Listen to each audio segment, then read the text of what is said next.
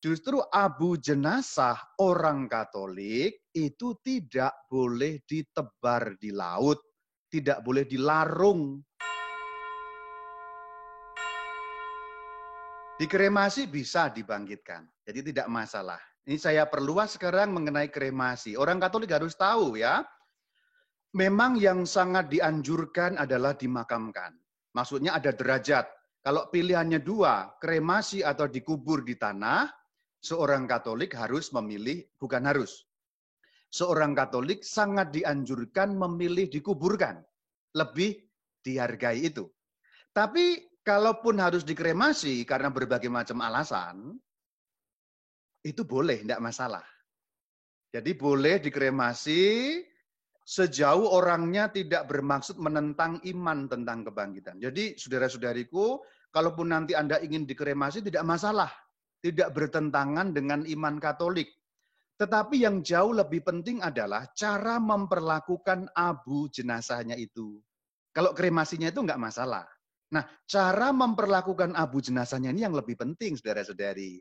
Karena menurut gereja Katolik, dan ini ada aturannya, justru abu jenazah orang Katolik itu tidak boleh ditebar di laut, tidak boleh dilarung jadi kalau dilarung salah.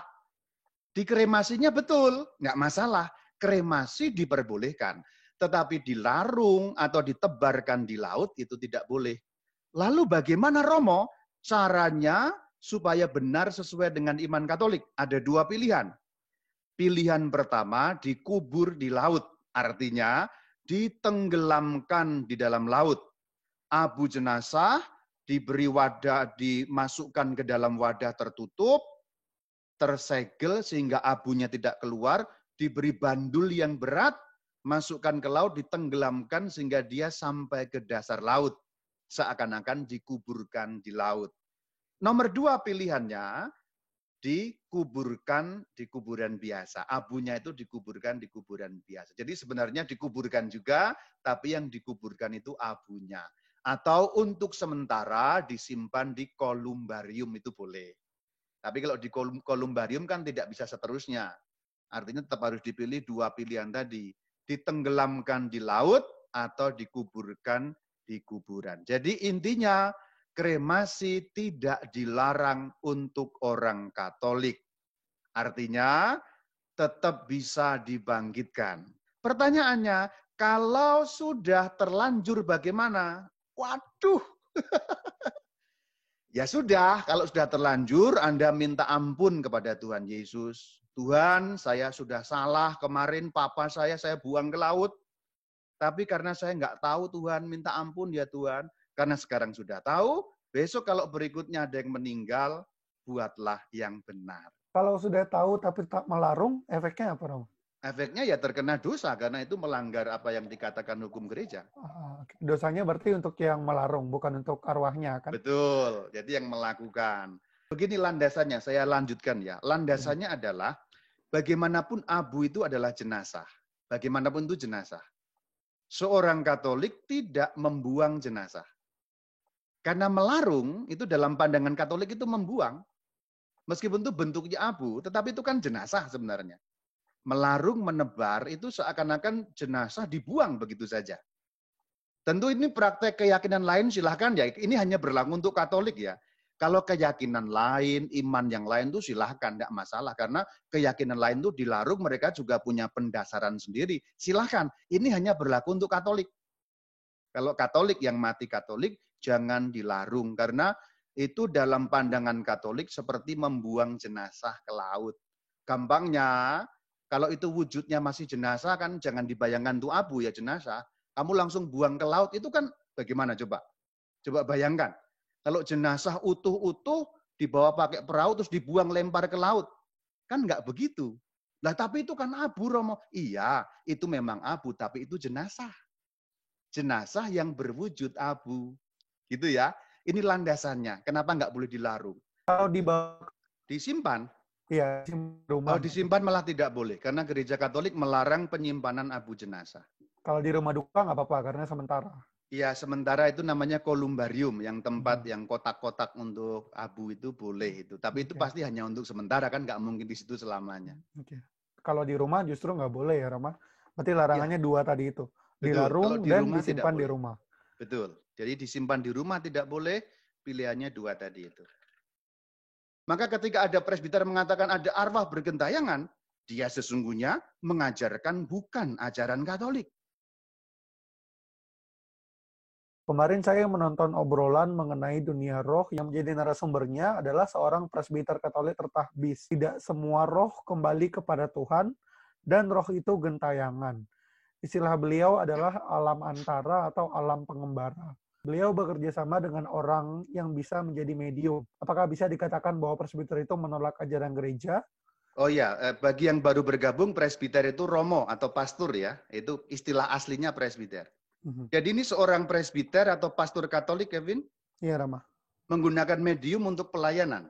Berdasarkan obrolannya seperti itu. Mengatakan ada roh gentayangan juga. Iya, Saudara-saudari, untuk menilai perkataan seorang presbiter itu bukan perkataan pribadi untuk menilainya, tetapi harus dirujuk pada KGK.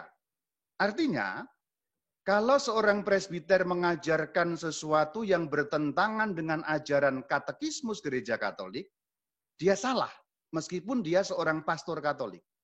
Karena mungkin alasannya macam-macam. Karena mungkin lupa, lalai, eh, lupa kuliahnya dan sebagainya. Karena macam-macam. Kadang-kadang dokter pun kan ma- malpraktek itu biasa ya. Dalam setiap profesi ada selalu malpraktek. Maka cara ngeceknya adalah rujuk pada KGK. Nah terkait dengan dunia orang mati, silakan merujuk pada KGK 1021 sampai 1041. Maka siapa pun yang ngomong kalau tidak sama dengan omongan KGK, yaitu ajaran gereja Katolik, dia keliru. Apalagi seorang presbiter, seorang pastor yang mestinya menjadi gembala yang mengajarkan apa yang diajarkan gereja Katolik. Namanya saja kan gereja Katolik, gereja Katolik Roma, bukan gereja Katolik Romo. Maka dalam hal ini presbiter pun bisa salah jika tidak sama dengan KGK. Maka begini, kalau mendengarkan perkataan seorang presbiter, Anda juga juga jangan selalu percaya pada perkataan saya. Cek saja. Apa pun yang saya katakan, Anda cek pada rujukan-rujukan KGK. Jadi kalau suatu kali Anda menemukan saya keliru, tunjukkan ini keliru. Tapi kalau mengatakan saya keliru, jangan ini pendapat saya buk jangan begitu. Tapi kalau mengatakan saya keliru, Romo rujukannya ini loh Romo. Romo menentang KGK nomor ini. Itu caranya. Maka kembali ke soal pertanyaan tadi, seandainya betul, seandainya betul ada yang siaran apalagi di YouTube, paroki, seorang presbiter Katolik mengatakan ada arwah gentayangan, presbiter itu keliru. Karena apa? Karena bertentangan dengan katekismus gereja Katolik yaitu ajaran gereja. Sebab apa? Sebab manusia begitu mati detik itu juga KGK jelas sekali. KKGK pun jelas juga. Kompendiumnya itu pun jelas sekali. Saat kematian langsung diadili. Maka tidak mungkin arwah lepas ke mana pun. Sehingga arwah tidak bisa bergentayangan. Itu maksudnya. Maka ketika ada presbiter mengatakan ada arwah bergentayangan, dia sesungguhnya mengajarkan bukan ajaran Katolik. Ini pagar makan tanaman. Wahai rekan presbiterku, seandainya ada yang mengajarkan mengenai roh gentayangan, lihat ajaran gereja. Jangan mengajar dengan ajaran ngarang, apalagi ajaran dari pengaruh-pengaruh keyakinan lain atau kebudayaan lain yang malah mengaburkan iman umat. Saudaraku presbiter, siapa pun Anda, rujuklah pada ajaran gereja. Apalagi Anda menggunakan medium-medium, itu malah jelas salah. Itu yang ditentang dalam KGK, itu okultisme. Mungkin niatnya baik, pelayanan, tapi pelayanan tetap harus berada di jalan yang benar sesuai dengan ajaran gereja Katolik. Maka arwah gentayangan tidak ada. Alam antara, kalau yang dimaksud alam antara itu adalah roh yang belum sampai ke Tuhan tapi sudah mati, jadi kayak bingung disebut alam antara juga salah, tidak ada. Gereja Katolik tidak pun, pernah punya istilah alam antara seperti itu. Maka siapa pun Anda, presbiter itu, please, tolong, sebagai sesama presbiter, sebagai sesama pastor, kita harus mengajarkan ajaran gereja. Kalau Anda yang tahu nanti presbiternya siapa, forward perkataan saya ini. Mungkin dia dapat melihat roh atau apa pun, tetapi begini, roh jahat itu sering menipu. Justru gereja menjernihkan kita supaya dapat melihat apa yang ada depan mata itu sehingga tidak ditipu. Sangat jelas kok. Roh gentayangan itu setan yang menyamar. Masalahnya, kalau tanpa pengetahuan dari gereja, orang sering tertipu. Dan presbiter sekalipun, dia bisa tertipu kalau tidak memegang ajaran gereja. Apakah saat kebangkitan raga kita umurnya itu sesuai dengan saat meninggal? Sangat menarik. Nanti pada kebangkitan badan umur kita berapa? Ini eh, jawaban gampangnya begini, misterius, tidak bisa dijawab, itu di luar jangkauan kita. Tetapi kita sedikit bisa meraba-raba. Gereja tidak mengajarkan, tetapi menggunakan penalaran filosofis, kita dapat sedikit mengetahui. Begini, tapi ini Anda harus berpikir filosofis ya. Pada saat kita hidup, kita terikat ruang dan waktu. Terikat waktu. Ada waktu yang lampau, waktu sekarang, waktu yang akan datang. Sementara begitu orang mengalami kematian, pindah ke waktu kekal. Jadi pada saat kebangkitan orang mati, waktunya waktu kekal. Badan itu kecil, remaja, dewasa, tua karena ada konsep waktu, yaitu waktu duniawi. Waktu duniawi. Artinya dulu manusia kecil, kemudian remaja, seiring bertumbuhnya waktu, kemudian dewasa, tua, renta, dan mati. Jadi waktu duniawi membuat ada perubahan seperti itu. Tetapi ketika masuk waktu kekal, maka tidak ada perubahan.